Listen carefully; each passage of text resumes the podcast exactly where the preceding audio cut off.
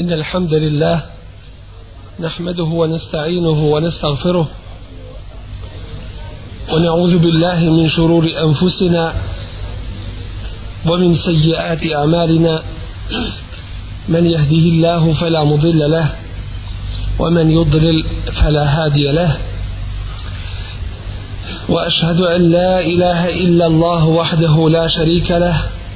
وأشهد أن محمدا عبده ورسوله أرسله الله بالحق بشيرا ونذيرا بين يدي الساعة من يطع الله ورسوله فقد رشد ومن يعص الله ورسوله فلا يضر إلا نفسه ولا يضر الله شيئا أما بعد فإن أصدق الحديث كتاب الله وخير الهدي هدي محمد صلى الله عليه وسلم وشر الأمور محدثاتها وكل محدثة بدعة وكل بدعة ضلالة ثم أما بعد jedno od pitanja koja su bila prisutna prije i koja se danas ponavljaju a to je borba između istine i neistine borba između istine i neistine koja traje do sudnjega dana zato je potrebno da se zna i upozna ono što je prisutno među ljudima i što se radi od stvari koje su vezane za džahilijet za onaj period kada se nije znala niti poznavala vjera kada se nije radilo po propisanim i određenim principima već su se ljudske strasti i adeti običaji uzimali za mjerodavne mi nastavljamo naše kazivanje o džahilijetu to jeste o pitanjima koja su bila prisutna u džahilijetu i koja se danas ponovo pojavljuju kako bismo ukazali na njih i kako bismo ih se klonili.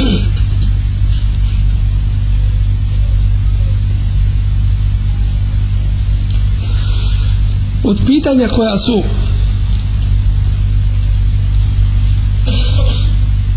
ja bi zamolio ovi koji su došli sa djecom da ih uza se uzmu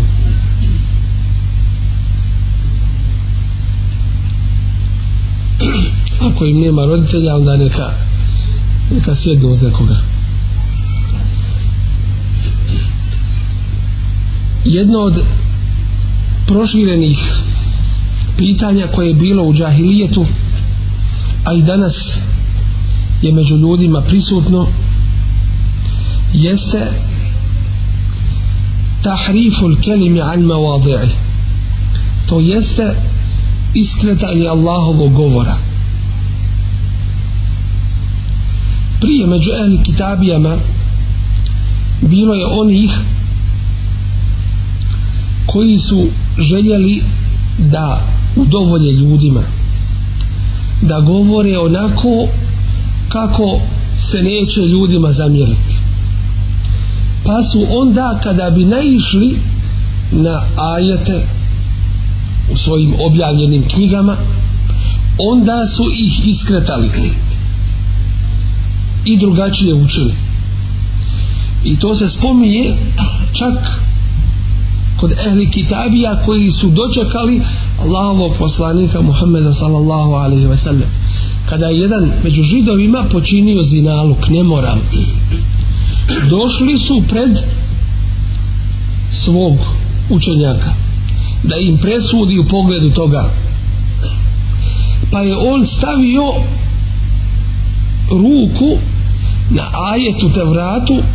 koji govori o kazni propisanoj za blud, za nemoral. I to je čitao pred Allahovim poslanikom sallallahu alaihi wa sallam. A onda reče ashab koji je primio islam, a bio je prije židov, kaže Allahov poslaniće, naredi mu da digne ruku sa toga ajeta i onda ga je pročitao onako kakav on jeste u kojem se propisuje i objašnjava kazna za bluca, ne moram. Dakle, tih pokušaja je prije bilo i Kur'an o tome govori i kaže juharrifun al kelime an mevadihi oni iskreću iskreću govor Allahom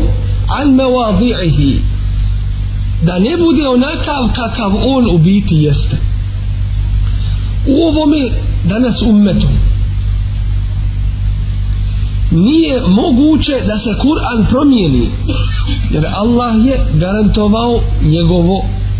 očuvanje do sudnjega dana inna nahnu nezelne zikra wa inna lehu lahafidhun mi smo objavili Kur'an i mi ćemo ga sačuvati doćim danas ima pokušaja i to od strane mnogih da promijene značenja u Kur'anu. Dakle, Kur'an kao tekst, kao ajati ne može se promijeniti. Da se jedna riječ zamijeni drugom i tako dalje. I Allah je dao da ima i djece koji pamte Kur'an. Već pokušavaju značenja Kur'ana da, da promijeni. To je novi vid džahilijeta. Džahilijeta koji vodi korijene još, još od prije promjena značenja promjena značenja kuranskih ajeta od toga je ono što smo čuli da govori ومن يشاقق الرسول من بعد ما تبين له الهدى ويتبع غير سبيل المؤمنين تماشي شو اي ايت كاجو نكي a onaj ko bude slijedio neki drugi put mimo puta mumina Allah tako me prijeti pa kažu a pošto smo mi mumini onda ko bude drugačiji nego što smo mi takav je na dalaletu i takav je na krivome putu dakle mijenjanje značenja Kur'ana doćemo ovaj ajed znači ko bude na putu mimo puta mumina mumina onih koji su bili u vrijeme Allahovog poslanika ali zato se a drugi ajet to pojašnjava fa in amenu bi mislima amentum bi faqad ihtadav ako budu vjerovali kao što vi vjerujete to jeste kao što ashabi vjeruju faqad ihtadav onda će biti na pravom putu dakle tih pokušaja ima i to posebno od strane orientalista onih koji izučavaju ove nauke islamske da bi se borili protiv njih. I zato su širom otvorena vrata na zapadu našim sinovima da idu tamo na Oxford, na Sorbonu, u Ameriku, u Chicago, gdje god hoćete, evo vam izučavajte islam od nevjernika, od nemuslimana, od zapravo dokazanih neprijatelja ove vjere. Ovaj da bi otrovali naše sinove, a onda kao takve i poslali međunarod da oni tumače Allahovu vjeru. I to je jedan novi vid borbe protiv, protiv ove vjere koji se danas, koji se danas koristi, a drugi su to jedva dočekali i onaj ko završi na tim zapadnim univerzitetima dobit će i položaj, dobit će i mogućnost da radi sa narodom i tako dalje, Dakle, bit će mu širom otvorena vrata, doći im onaj koji je učio na izvoru, takvome će biti spriječeno i zabranjeno. Dakle, jednostavno mijenjanje Allahovog govora ili značenja njegovog govora. To je bilo prisutno prije i to je dan. Danas isto da. Od vrsta džahilijeta koji je bio u prošlosti jeste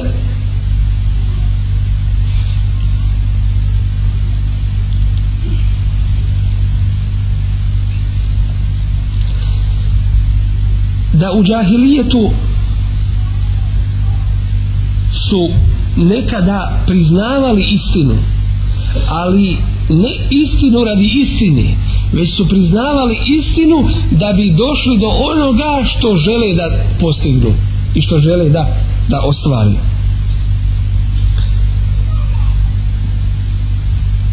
وقالت طائفة من أهل الكتاب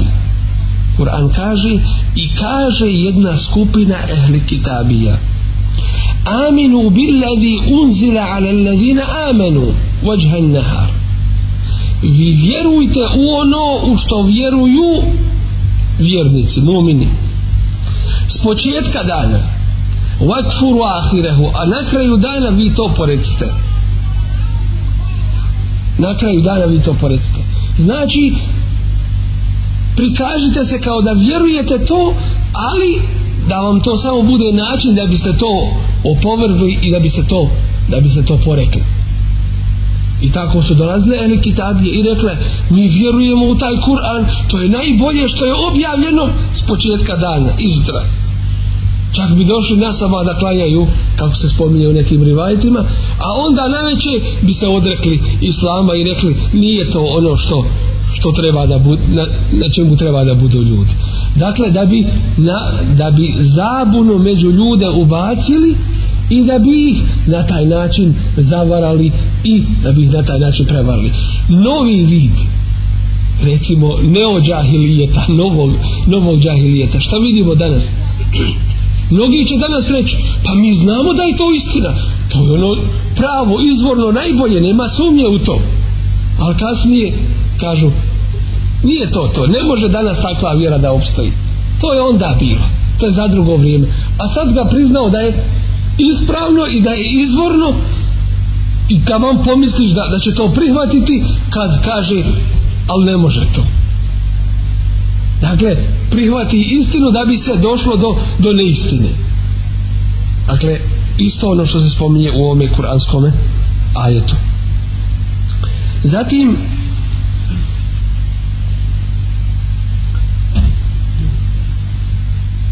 pristrasnost svome mišljenju, neprihvatanje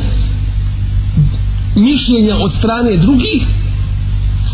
i vjerovanje samo onima koji su uz tebe. Neka vrsta partijašenja, grupisanja, grupašenja i tako dalje. Dakle, samo vjeruje grupi koja je koja je uz njega ne gledajući je ona u pravu uvijek ili je ponekada u krivu ili šta je ili kako je dakle vjerovanje samo toj skupini s kojom s kojom radi sa kojom sarađuje to je od vrsta to je od vrsta isto džahilijeta koji je bio prisutan prije u današnje vrijeme isto tako dakle pored toga što se zna i vidi i poznaje istina ona se prihvata ili prihvata se samo od onih koji su uz određenu skupinu od drugih se ništa ne prihvata mi smo rekli Allah te baraka wa ta'ala u Kur'anu spominje spominje kraljicu od Sabe kada je bila nevjernica kad, kada je vjerovala i kladila se suncu pa kada ona kaže kaže innal muluke iza dehalu karjetan efseduha kraljevi, vladari kada uđu u neko mjesto oni nered unutra počine vajalu a'izzata ahliha azilla i prvake toga mjesta učine poniženi Allah u Kur'anu kaže وَكَذَلِكَ يَفْعَلُونَ Oni tako i rade Dakle, Allah te bareke kao gospodar svih svjetova potvrđuje riječi te žene, kraljice Tes, od Sabe, u vremenu kad je ona bila nevjernik, ali je rekla istinu. Što znači ne odbacuje se istina radi osobe koju ti ne možeš ili koja nije u pravu, ako ko, ili kogod dođe sa istinom, ona se prihvata radi istine. Doći od džahilijeta je da se prihvata samo od onih koji su s tobom. I zato su govorili. Govorili kao što Kur'an spominje وَلَا تُؤْمِنُوا إِلَّا لِمَنْ تَبِعَ دِينَكُمْ Nemojte vjerovati nikome drugome osim samo onome ko slijedi vašu, vašu vjeru. Nemojte imat povjerenje u druge. Nemojte im reći kakva je vaša vjera da ne bi uspostavili dokaz protiv, protiv vas. Dakle, neprihvatanje istine osim samo od onih s kojima radi s kojima se grupiše i sa kojima sarađuje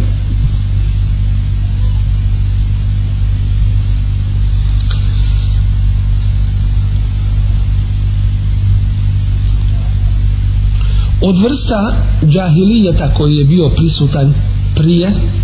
jeste i to da su sljedbenici islama bili optuživani u džahilijetu da kod njih ima širka i nevjerovanje samim tim što oni slijede Allahove poslanike pa je džahilijet pa je džahilijet to prigovarao mu'minima i, ka, i govorili im vi nas optužujete za širk i, i nevjerovanje a vi uzimate poslanike i uzimate meleke za božanstva mimo Allah te barakavatara to je bilo u u onome džahilijetu pa im Kur'an odgovara i kaže ma kane li bešarin ne može se desiti jednome čovjeku أن يؤتيه الله الكتاب والحكم والنبوة تم الله دادني كتاب كيغو والحكم إي مغدروس إزنانية والنبوة إي إي بيرويس نشتو ثم يقول للناس ذاتي دا أول غور اليودما كونوا عبادا لي من دون الله بودته موي ربو ميمو الله ولكن كونوا ربانيين وجبودته Allahovi rabbanijin Allahu pokorni bima kuntum to alimun el kitab po tome što vi učite druge knjizi bo bima kuntum te drusun i zato što je vi učite sami drugim riječima prigovarali su tome što sljedbenici istine slijede Allahove poslanike u današnje vrijeme prigovara se što sljedbenici istine slijede ispravnu i ulemu koja u stvari govori sa dokazima i vjeru izvornu onakvom kakva ona onakvom kakva ona jeste i zato kažu pa vi, vi obožavate onog svoga koji vam dersove kazuje vi ste njega uzeli za božanstvo mimo Allaha ne uzubila miješaju te stvari u stvari činjenica je da oni koji tumače i objašnjavaju vjeru ne traže od ljudi da ih oni slijede kao njih već traže da se slijedi istina a oni a oni samo dostavljaju istinu in alejke illal illal balag jeste razumjeli ovo pitanje ili ćemo ga ponoviti da ponovim opet najbolje pošto je u džahilijetu u džahilijetu ehli kitabije i drugi uzimali su i slijedili svoje prvake to je jedan vid širka bio kufra koji je bio prisutan među, među ljudima i slijedili ih u tome pa je Kur'an progovorio na tu temu i rekao ittahadu ahbarahum wa ruhbanahum erbabe min dunillah uzeli su svoje sveštenike i monahe za božanstva mimo Allah ovi dolaze i kažu vi ste uzeli ove druge za božanstva mimo Allah i vi ste uzeli učenjake koje slijedite a mi kažemo tačno je da ih slijedimo ali slijedimo u istini zato to nije njihovo obožavanje nego obožavanje Allaha a vi svoje sveštenike i predvodnike i predstavnike i vladare i ideologe i kako god hoćete vi njih slijedite, ali razlika između ovog i onog slijedženja kao između neba i zemlje. Zato što vi njih slijedite i pokoravate im se u batilu, u neispravnom, a mi u ispravnom. Jel se sad pojasnim? To je i dan danas prisutno. Ako kažeš ljudima nemojte slijediti sve i svašta i svakoga, Pokoravajte se Allahu, Allahovi robovi budite, ne budite ničiji drugo. Ne dajte da iko ima monopol uvjeri nad vama, da se poigrava s vašom vjerom, jer to je pitanje vaše budućnosti, zapravo vaše vječnosti na sudnjem danu. Pazi koga slijediš, a taj koga slijediš, ne slijediš ga zbog njega, radi njegovog hatera, nego što znaš i uvjerio se sa dokazom da istinu ispravno govori. Dakle, to nije slijedženje njegovo obožavanje, nego je to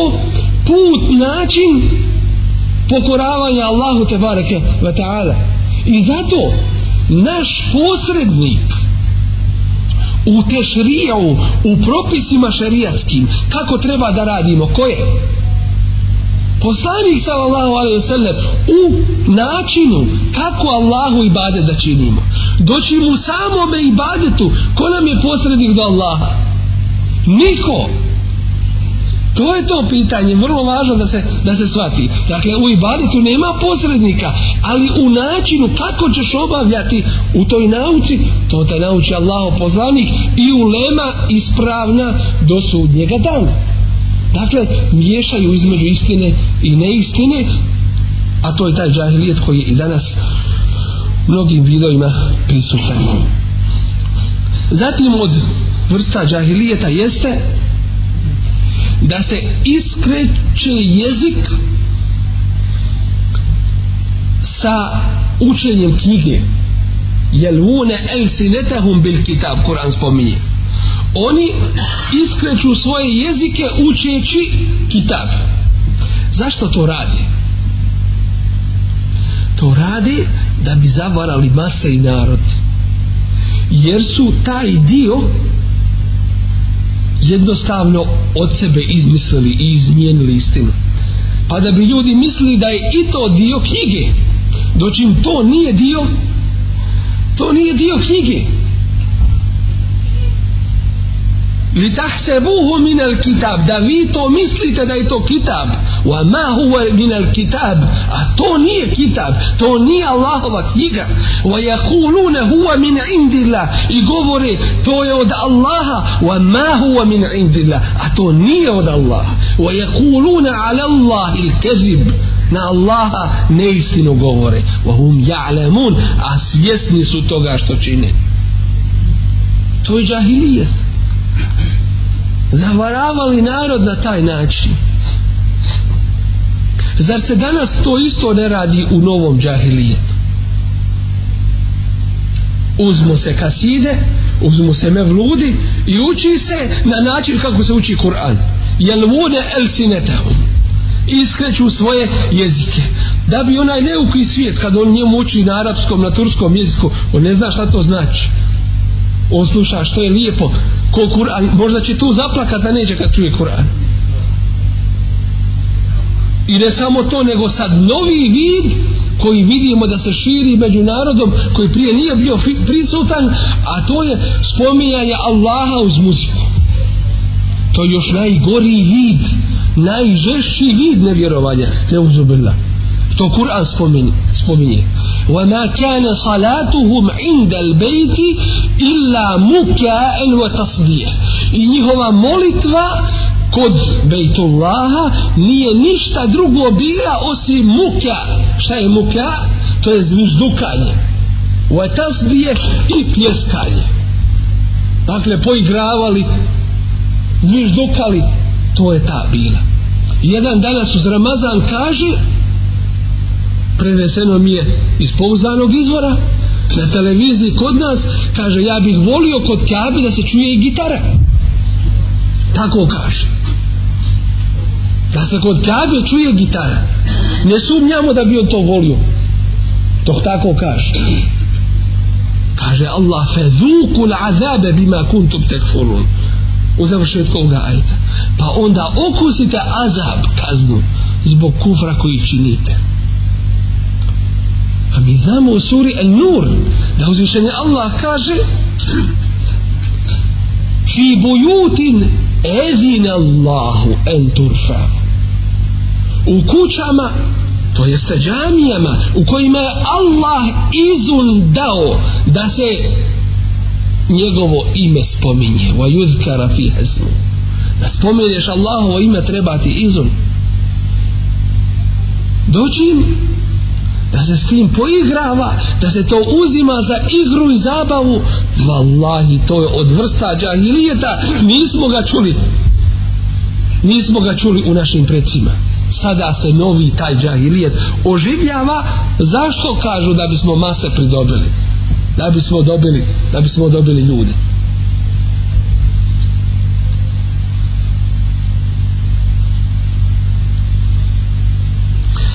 Od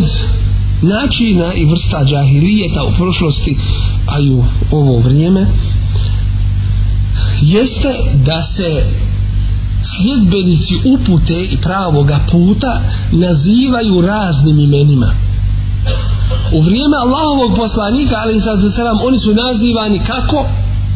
Znate li? Esabi'e. Pa su govorili ko bi primio islam,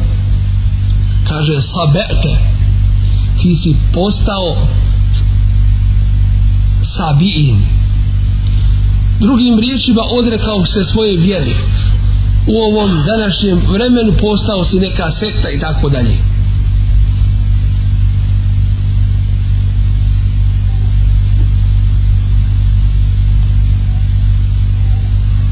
Dakle, to je bio način da se ljudi odvrate od istine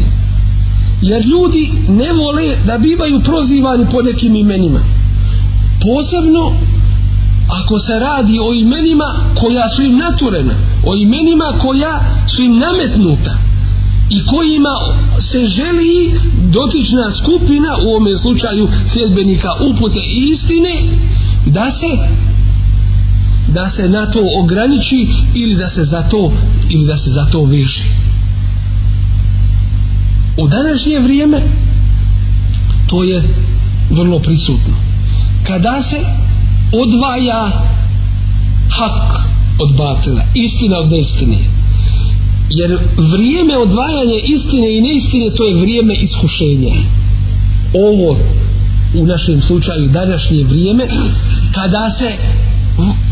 kada se odvaja istina od, od neistine ispravno od neistine ispravno. i onda ćete vidjeti da čak preko mimbera čak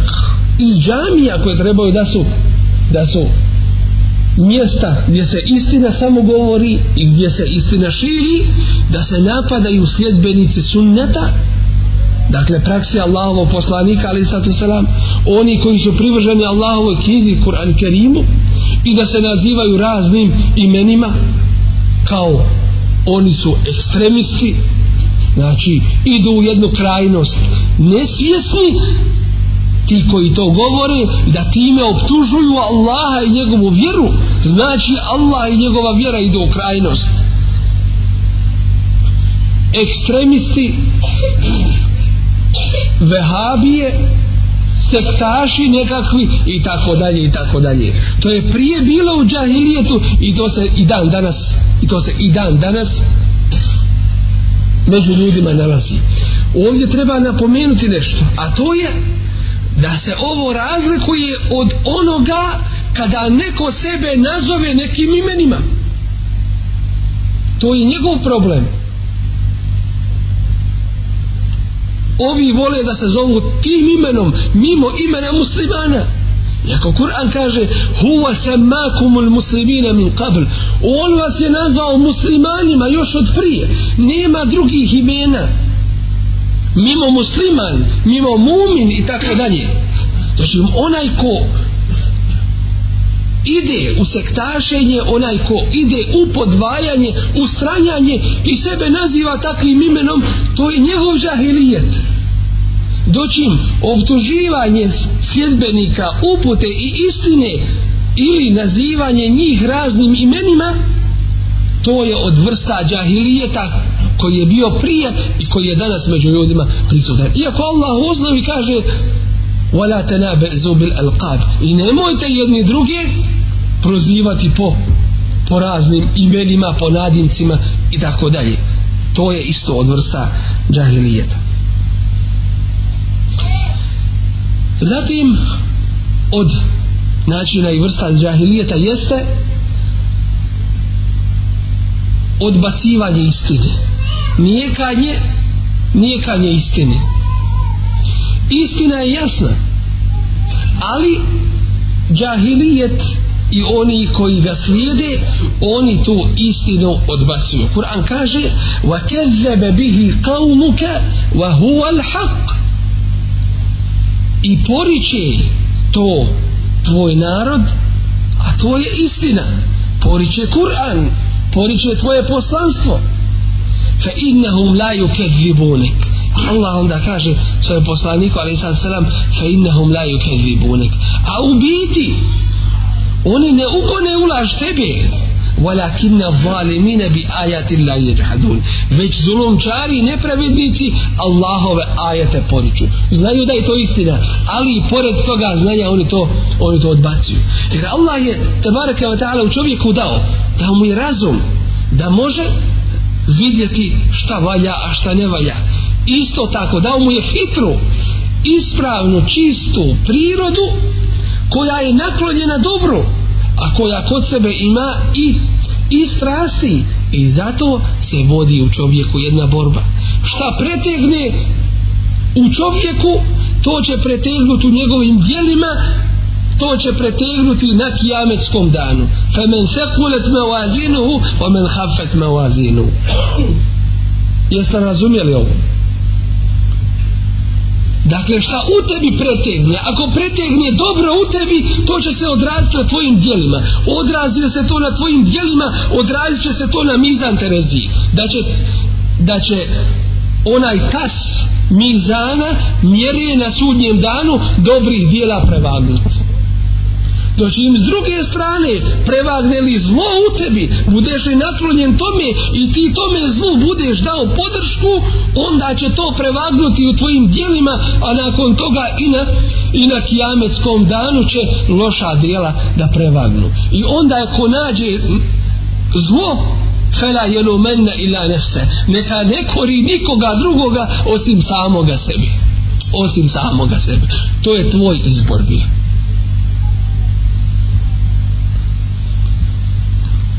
I zato od vrsta i oblika džahilijeta jeste porica istine. Gdje god i kad god se ono pojavilo. Pripadnici istine i upute slijede istinu. Od koga god ona došla. Doći oni koji slijede džahilijet koji slijede druge neke principe i osnove mimo Allahove tabaraka wa ta'ala upute oni poriču istinu kada se ona suprostavlja njihovim protivima zatim ovih ima vidova i načina puno džahilijeta i mi ih ne možemo sve pobrojati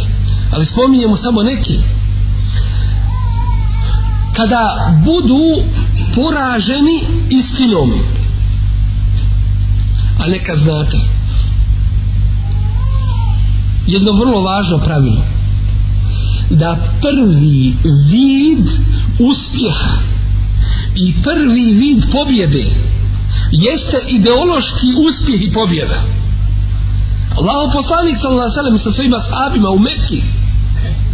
nije smio kod Kabe javno klanjati nije smio izaći da se pojavi sa nekom oznakom javnog islama bili su terorisani kao što današnji muslimani ispravni bivaju terorisani a bivaju nazvani onim što se njima u stvari radi dakle nisu imali snage nisu imali čak ni prava da iskažu ispolje svoju vjeru što i danas često slučaj u mnogim mjestima gdje se gdje se kaže to su slobode, to je ovo, to je ono, mi vidimo danas ne daju ezan učit, ne daju javno da, da kažeš islamski centar, da mu narod digneš, a kamo li da bude veća od, od tornja i tako dalje. Dakle, prvi vid, ne, dobro upamtite, prvi vid pobjede jeste ideološka pobjeda. I zato u vojnoj strategiji nazivaju jednu vrlo važnu oblast ideološki rat. Ako dobiješ ideološki rat, pitanje je pobjede ove fizičke, samo pitanje vremena, kada ćete to ostvariti. Mumini su bili pobjednici u Mekki, iako nisu imali vlasti, nisu imali snage, ma nije jedan smio da izađe javno da klanja i da poziva Allahu u vjeru, ali su bili pobjednici s ove ideološke strane. Danas to je jedna vrlo važna konstatacija i osnova da se shvati šta je uzrok širenja između ostalog islama danas u svijetu što kažu jedina vjera koja je u ekspanziji u širenju konstantnom neprestanom nezaustavljivo šta je uzrok toga zato što je islam već danas pred svim ideologijama uvjeđenjima, vjerovanjima i ostvario i uspio da ostvari ovu ideološku pobjedu ideološki je pobjednik iako nama dolaze u naše kuće u naše države u naša mjesta i terorišu nas i uzimaju naša dobra i rade ono što rade i okupaciju čine i tako dalje ali islam je ideološki pobjednik i mumini koji ga se drži ne mogu ništa ma ne mogu pera odbično se kaže islamu danas ne mogu ništa kazati ono što su dojuče koristili protiv islama sad je stao na strane islama kao što je bio slučaj u vrijeme Musa ali i salam i faraona dojuče je faraon je koristio one sihirbaze, one čarobnjake da podrže njegovu vlast oni kad su vidli šta je hak, šta je istina, feseđa, du, svi seđu učinit će. Kalu amenna bi rabbil alem. Kažu, mi vjerujemo gospodara svijetova. Rabbi Musa wa Harun. Gospodara Musa wa Harunova. Do juče su koristili nauku protiv Islama. I mislili da je to njihova ta čarolija velika kojom će uspjet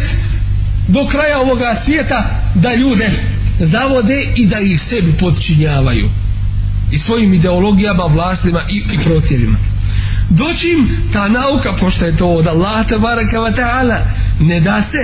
ne da se podčiniti ako se istina govori. Jer istina je uz istinu. Bila ta istina ovdje u kitabu ili bila među nama u kosmosu, to je istina. Istina mora istinu podržati i stati uz nju. Ne može drugačije. Osim ako se istina iskredi. To je drugo pitanje. Dakle, danas nauka staje uz, uz islam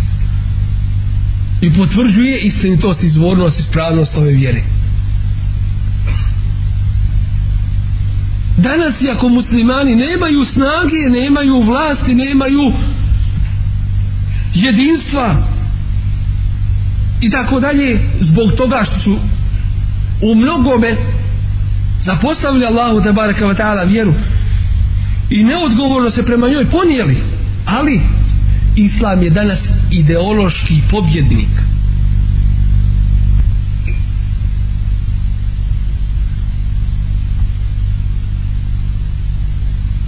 i islam je danas izdvojao tu pobjedu pitanje je samo vremena i zato su upravo skočili toliki u borbi protiv ove vjere i njenih sljedbenika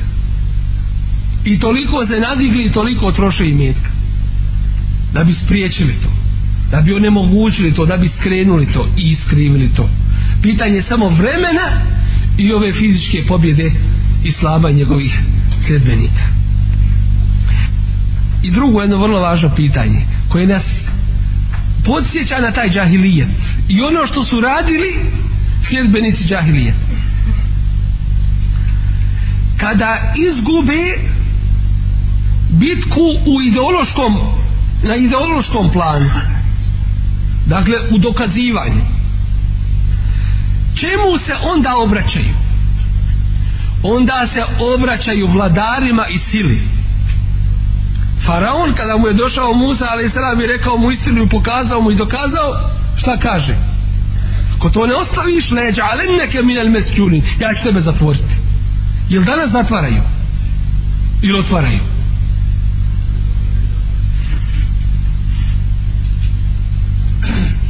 kad izgube na ideološkom planu onda zatvaraju onda silom kad izgube silu dokaza jer dokaz ima snagu svoju kad nemaju snage dokaza onda imaju dokaz snage onda ako nećete ovako e onda mi znamo i umijemo drugačije mi ćemo vas naučiti pamet i prepast da više nikome ne naupadne da to isto tako radi i da, da pomisli i da, i da bude da bude Allahov istinski rob dakle obraćaju se onima koji imaju silu koji imaju vlast i tako dalje to je bilo u džahilijetu Kur'an nam to spominje i kaže u kazivanju o Musa'u a.s. da su velikaši faraonovi rekli etezeru Musa' zar ćeš ti, savjetnici njegovi kažu mu, zar ćeš ti ostaviti Musa wa kaumehu i njegov narod li juftidu fil ard da ne red po zemlji čine nakon što su bili poraženi ideološki ti njegovi savjetnici i velikaši faraonovi onda pribjegavaju sirt zar ćeš ostaviti Musa i njegov narod dakle jednostavno ne daj im mira da nered čine da nered čine po zemlji to se i dan danas vidi to se i dan danas taj sistem primjenjuje i onda faraon kaže šta je rekao senu kaktilu abnahum ja ću poubijat njihovu mušku djecu čovjek često može podnijeti sobom ali da se svijeti na tvojoj djeci to je najveći vid zločina najveći vid pakosti i zlobe koja iz nekoga može koja iz nekoga može proizaći dakle jednostavno pribjegavaju sili da bi spriječili hak što se radilo što se radi do današnjeg dana Zatim, u džahilijetu su optuživali optuživali pripadnike i sljedbenike istine da nered čine po zemlji. To su rekli Allahu poslaniku sallallahu alaihi wa sallam. Kažu, on je razdor među nas ubacio. Zavadio se brat s bratom, otac sa sinom, nered nam uveo, razjedinio je našu zajednicu. Tako kažu. U današnjem vremenu, kad su ljudi išli na more, kada se provodilo, kada se pjevalo bratstvo jedinstvo, ali ne onom pravom, izvornom, ispravnom, muminskom bratstvu jedinstvu, nego onome džahilijetskom, onda kažu bili smo jedinstveni. Nikad nam nije bolje bilo da uzobrila. Wallahi to vidimo svojim očima kako se kuranski ajet pokazuje i ostvaruje kada nam Kur'an prenosi še, ono što kaže šeitan le uzeyinene lehum fil ard ja ću im lijepim učiniti na zemlji znači ono što ne valja bit će im lijepo toliko to šeitan zna uljepšat, prevarit i zato se zove garur fala je gurrenekum billahi garur nemojte da vas zavara velika varalica lopovi i lopuža. To je prokleti šeitan. A to što zlo prikaže ti kao, kao lijepo i kao, i kao dobro. Dakle, optuživali su sljedbenike istine da oni nerijed čine po zemlji. I zato ćemo vidjeti munafike, kako je Kur'an opisuje na početku sure Bekari, وَإِذَا قِيلَ لَهُمْ لَا تُفْسِدُوا فِي الْأَرْضِ Kada im se kaže, nemojte vi činit nered po zemlji. Jer oni zaista čine nered po zemlji. Miješaju istinu i neistinu. Hajmo mi sad da se ujedinimo, da se udružimo. Pa i mi muslimani ćemo nešto odstaviti od svoje vjere. Da bi svi živjeli u miru, lijepo, da bi nam bilo blagostanje i tako dalje. Da bi smo se dogovorili svi. A lako ćemo tamo, ako bude tamo čega. Ne uzubrljamo kad im se kaže zašto nered činite po zemlji oni kažu inema nahnu muslihun mi samo hoćemo da izmirimo to jeste da približimo istinu na istinu pa da se ljudi izmire da nema te borbe između haka i batila a u osnovi došle su objave između ostalog da bi se da bi se jednostavno suprostavila istina neistini, a ne da bi se istina sa neistinom pomirila jer to je nemoguće. Može samo u jednom slučaju da neistina ostavi ono na čemu je i da prihvati istinu. Doćim da istina ostavi nešto od onoga što je ispravno to, to nije naše pravo i da hoćemo, to nije naše pravo da mi to učinimo. To je pravo Allah te barke o teatru dakle optuživanje pripadnika istine za fesad da oni čine fesad i da oni čine nered po zemlji time što uspostavljaju Kur'an i sunnet Allahovog poslanika sallallahu alaihi ve sellem zatim u tome obraćanju vlastima i vladarima i silnicima oni obtužuju oni obtužuju sljedbenike istine da vjeru vladara ili vjeru svjetskog poredka kako ga danas nazivaju novog svjetskog poredka da takvi omalovažavaju i da takvi pocijenjuju i ne prihvataju pa su rekli pa su rekli faraonu wa yadharaka wa alihatak i da ostave znači ih pusti da tebe napuste i da puste tvoja božanstva dakle jednostavno taj stari džahilijet je vrlo sličan ili isti kao što je i ovaj i ovaj sličan onome kao što je bio onaj priješnji.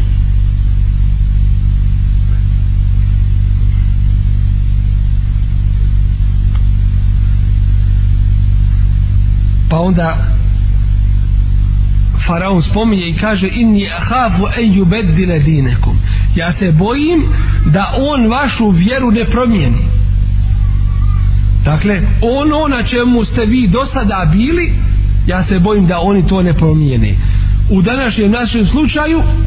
odakle sad ova nova vjera ona izvorna vjera kaže se to je neka nova vjera kako ćete vi promijeniti vjeru svojih predaka i onoga na čemu su prije ljudi bili mi kažemo odgovaramo ono što, što je bilo ispravno od vjere predaka to prihvatamo ono što nije bilo ispravno ne prihvatamo hoćemo prihvatiti bogumilstvo patarenstvo idolopoklonstvo neki bi to prihvatili neki bi to prihvatili dakle to je vid džahilijeta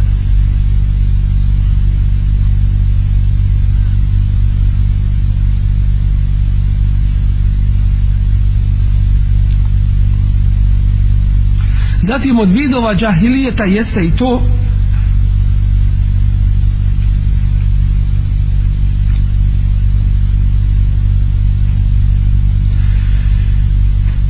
da u džahilijetu ljudi se pravdaju i kažu mi vjerujemo samo ono što, što je kod nas prisutno ono što je u našem ubjeđenju i vjerovanju a drugo ne ne doći mu isto vrijeme vidjet ćemo da takvi to svoje vjerovanje opovrgavaju nominu bima unzila alejda kada im se kaže vjerujte ono što je Allah objavio oni kažu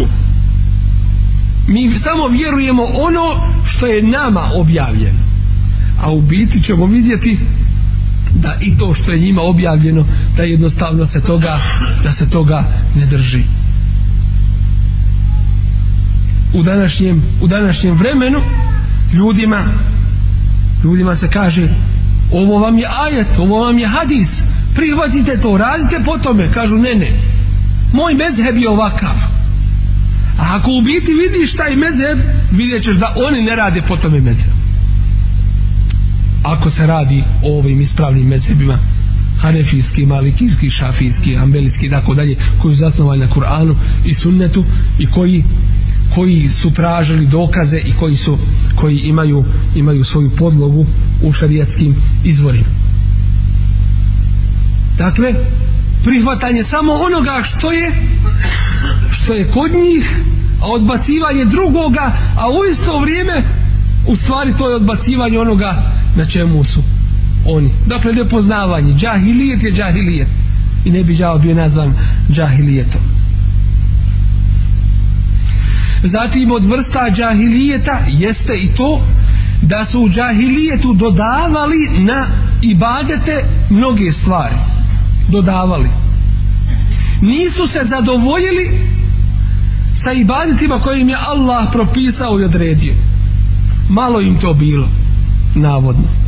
pa su onda dodavali na te ibadete nešto drugo, nešto novo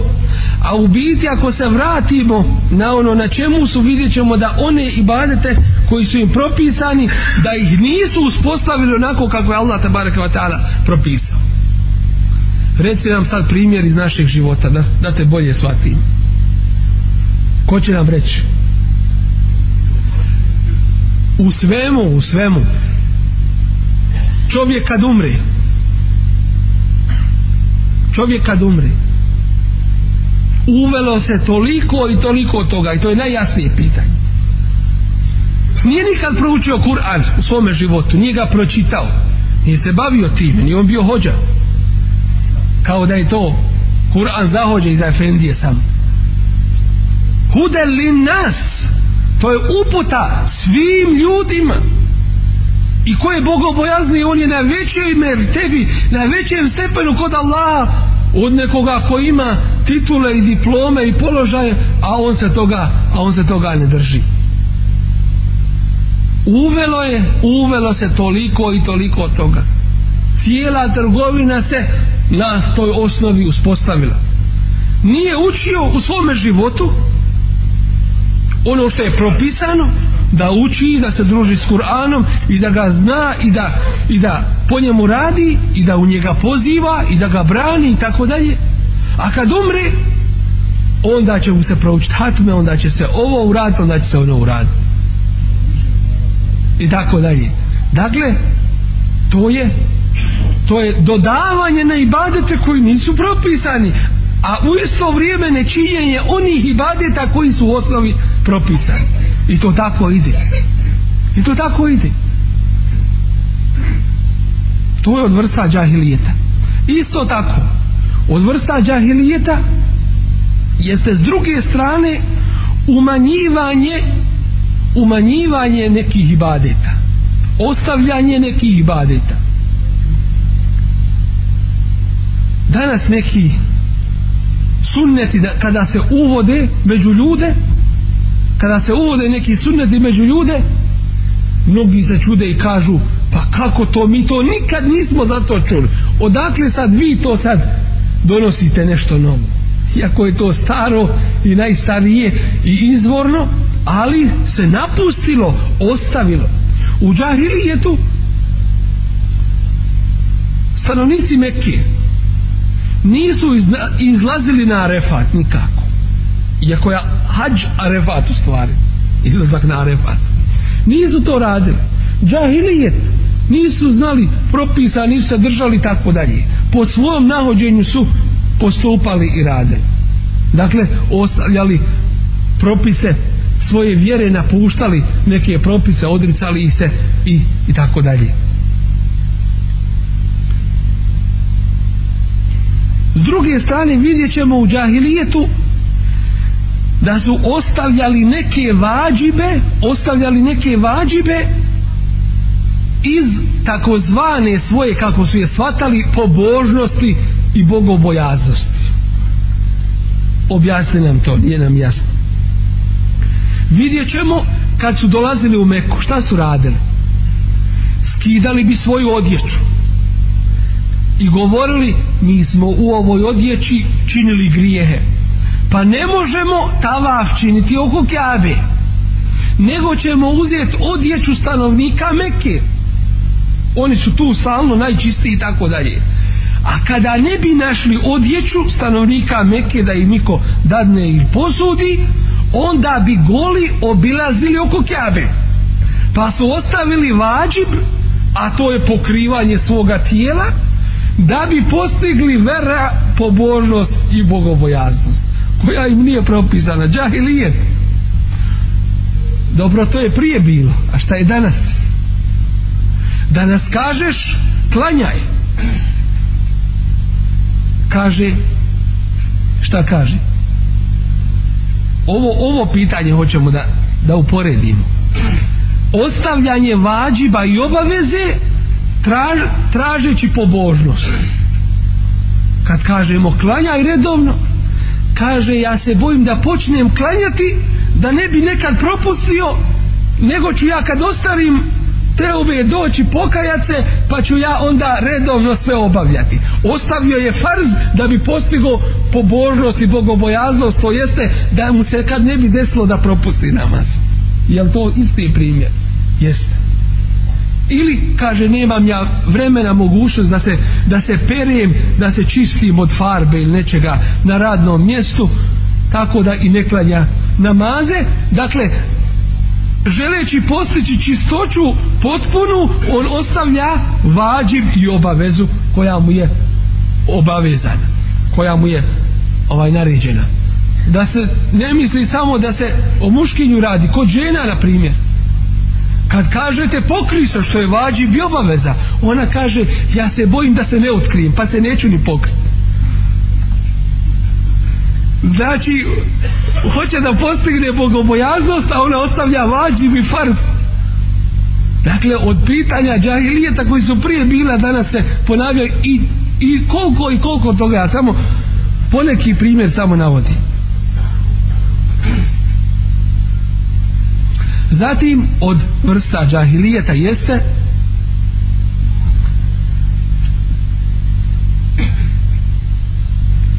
traženje suda kod nekoga drugoga mimo ove vjere. Ettehakumu ila tagut. Kao što je namaz ibadet isto tako a mnogi ne znaju ili zaboravljaju ili zanemaruju da je ibadet isto tako obavezan i nužan da čovjek traži propise ove vjere i da mu ova vjera presudi u svemu bilo u pogledu njega samoga da traži sud ove vjere ili među ljudima dvojica se spore oko nekoga pitanja ko će im presuditi ko će im donijeti ko će im donijeti presud onaj koji se ne zna okupati ne kažemo okupati, tuširati i tako dalje nego ne zna se šerijatski od neđaseta okupati, on da ti donese presudu? Subhanallah. Koju presudu? Osim onu koju Allah spominje, efe hukmel džahilijeti jebgun, hoće li oni hukm i sud džahilijeta nezna boštva, znači sud u kome je Allah isključen, u kome se Allah ne pita. Allah ne pita zar taj oni sud hoće to je džahilijet totalni ako to nije džahilijet onda džahilijeta nema nikako to je temeljni džahilijet traženje suda od nekoga drugoga mimo ove vjere ja vam moram sad nešto reći što me je danas dobro zabolilo na prošlom dersu ovdje ili dersu prije toga ja sam vam spomenuo jedan slučaj ne iz priče i kazivanja nego iz stvarnosti u jednom slučaju sam otišao da presudim između dvoje i kada sam vidio da dotična osoba izbjegava i neće Allahov sud, onda sam rekao onda ja ovdje više nemam šta tražiti onda to više nije moj posao hoćeš li da ti Allah presudi da ti kažem šta Allah traži zatijeva kako ti Allah sudi u tome pitanju kaže ja nisam spremna to da prihvatim onda ja nemam šta ovdje više da tražim danas ta ista osoba naziva me i plače i vrišći i kaže uzeli su mi svu moju djecu u opštini u magistratu i čeka se za dva dana da budu ta djeca podijeljena u nemuslimanske porodice djece je negdje sedam, osam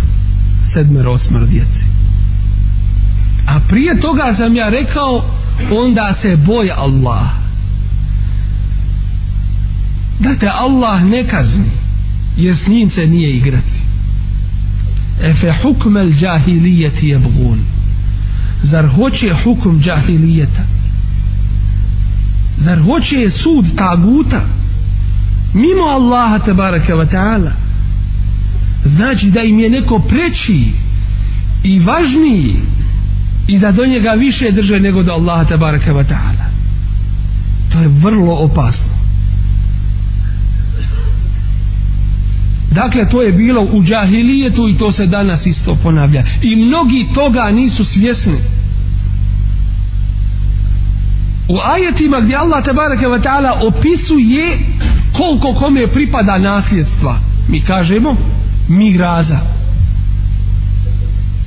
Nakon toga kaže وَمَنْ يُطِعِ اللَّهَ وَرَسُولَهُ Ko bude pokoran Allahu njegovom Rasulu, njemu je džennet. I za toga uajt وَمَنْ يَعْصِ اللَّهَ وَرَسُولَهُ Ko je nepokoran Allahu njegovom Rasulu, džehennem mu je. Bilo u ovome ili u onome, većina ih danas koji hoće da podijele miras i nasljedstvo ne ide šerijatskim sucima, nego ide da im neko drugi podijeli. Ako neće drugi, onda ti, onda ti traži, makar na tebi da se primijeni i sprovedi. Jer Allah tebe ne duži onim što nisi u mogućnosti, jer nema šerijatski sudnica. A molim Allah tabaraka wa ta'ala da se što prije uspostavi. I to ne samo po imenu, nego zvanično i da ljudi drže do toga jer ako ne drže do suda Allahovog onda onda kakvi su to vjernici i vjernici u koga Elem tara ila alladhina yaz'umuna annahum amanu bima unzila ilayka wama unzila min qablik Vidiš li ti one koji misle, pretpostavljaju, koji smatraju, a nije to tako, koji misle da vjeruju ono što je tebi objavljeno i što je objavljeno prije tebe. A šta radi? Yuriduna en yatahakamu ila tagut. Hoće da im tagut, to jeste šeitan, da im presuđuje. Svako ko sudi mimo Allahovog zakona, to je šeitanski sud. To je, to je džahilijet. Dakle, takvi nisu vjernici koji traže sud mimo Allahovog suda. Bilo u čemu, radilo se o mirasu, nasljednom pravu, radilo se o sporovima između čovjeka i žene. Kako ti može presuditi onaj koji ne zna Allaha, koji ne zna za din, kako će znati za Allahov propis? Ne zna. On sudi po svojim protivima, i svoje koristi i zato to je jedan veliki vid i najrasprostranjeniji vid džahilijeta koji je prije bio i koji se održao do današnjeg dana i na kojem većina ljudi pada na ispitu bilo šta malo ili veliko u tvome životu da se desi pitaj Fes'elu ehle zikri in kuntum la ta'lamun. Pitajte učene ako vi ne znate. Nemoj da pitaš da bi izvrdao, da bi našao neku olakšicu. Nemoj da pitaš onoga za kojeg znaš od prilike kako će tebi nagoditi. Nego pitaj onoga za kojeg znaš da te neće prevariti u tvojoj vjeri onoga koji će ti reći pravo ti bilo ili ti krivo bilo a muminu ne smije biti krivo kad Allah te barake wa ta'ala i njegov resul ali i sada sadam u nečemu presudi dakle to je pitanje potvrde tvoga imana nema nijednog pitanja u, našeg, u našem životu nema nijednog događaja a da islam za to ne daje rješenje pitanje je u kakvom si ti društvu da li ti to društvo zna odgovoriti na to ima li učenje među vama a nije pitanje ima li islam za to i u pogledu toga odgovor islam je savršen dakle to je veliki vid pokornosti Allahu te bareke ve taala njegovom resulu alejhi salatu a to je obraćanje u našim sporovima i to sa tri šarta koja su spomenuta u kuranskom ajetu fela wa rabbike la yu'minun i nije tako mi gospodara tvoga kaže uzvišeni Allah tabaraka wa ta'ala sobom se kune zbog važnosti ovoga pitanja la yu'minun oni ne vjeruju hatta yuhakimuke fima šeđara bejnahum dok te Allaho poslaniće ne budu uzimali kao suca u svojim sporovima to je prvo thumma la yajidu fi anfusihim harajan mimma qadayt zatim u svojim prsima ne nađu poteškoću ti je skobu zbog onoga što si presudio da im nije teško to što si tako presudio وَيُسَلِّمُ تَسْلِيمًا I dok u potpunosti teslim ne budu. Vi znate šta je teslim. Predani Allahu tabaraka wa ta'ala. To je iman. A nije iman, radi šta hoćeš, živi kako hoćeš, a kad umreš, mi ćemo onda kod Allaha posredovat. To je laž, to je prevara, to je demagogija za ove koji će shvatiti to. Dakle, ne smije se na taj način prilaziti ovim pitanjima i odnositi se prema Allahu te bareke ve taala i njegovoj vjeri bojat se uzvišenog Allaha te bareke ve taala da on ne spusti svoj gadab svoju srđbu na takve koji bi i džahilijeta i malo islama i svakome da udovolje a kad treba nekome ili nečega se odreć onda ću to ja lako sa vjerom da riješi nije se igrat bolje ti je sa svim svijetom zaratit a sa Allahom da si da si u prijateljstvu jer Allah tabaraka wa ta'ala kaže men aada li velijen faqad aventuhu bil harb ko moga dosta ko moga prijatelja uzme za neprijatelja takvima objavljujem rat Allah kaže u hadisi kuciju Dakle, Ibrahim a.s. imamo primjer u njemu najbolji. Stao je na Allahu te barake wa ta'ala stranu. Kad niko na dunjalu ko vjerovao nije, pa ga je Allah uzvišen i pomogao. Sam, jedan, protiv cijeloga svijeta. Ili cijeli svijet protiv njega. Pa je ostao. I takvi će na kraju, takvi će na kraju uspjeti ovo su neka od pitanja džahilijeta koja su bila prisutna u prošlosti i koja su i dan danas među ljudima prisutna da bismo ih upoznali da bismo bili oprezni u pogledu njih i da ne bismo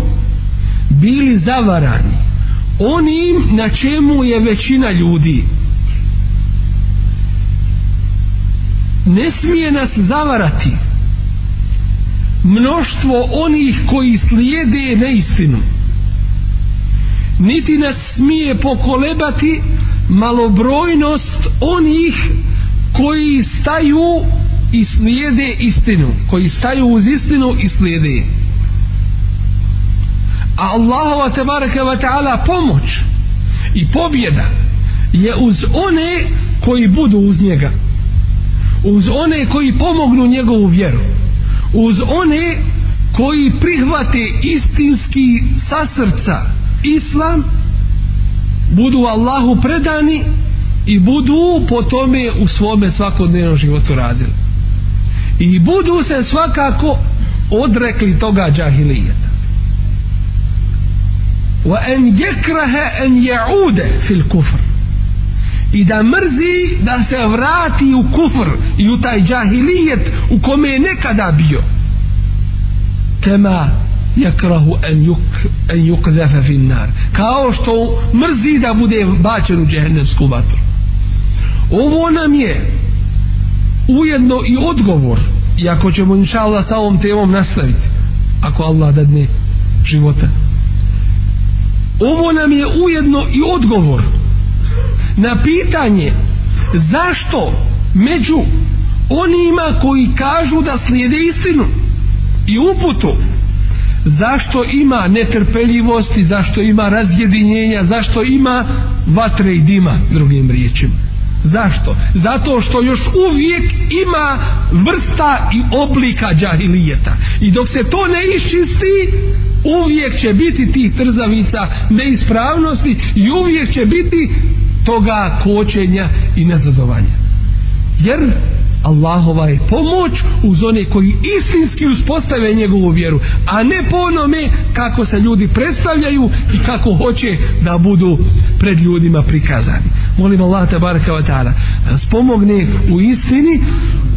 da nas sačuva svih vidova i oblika džahilijeta da nas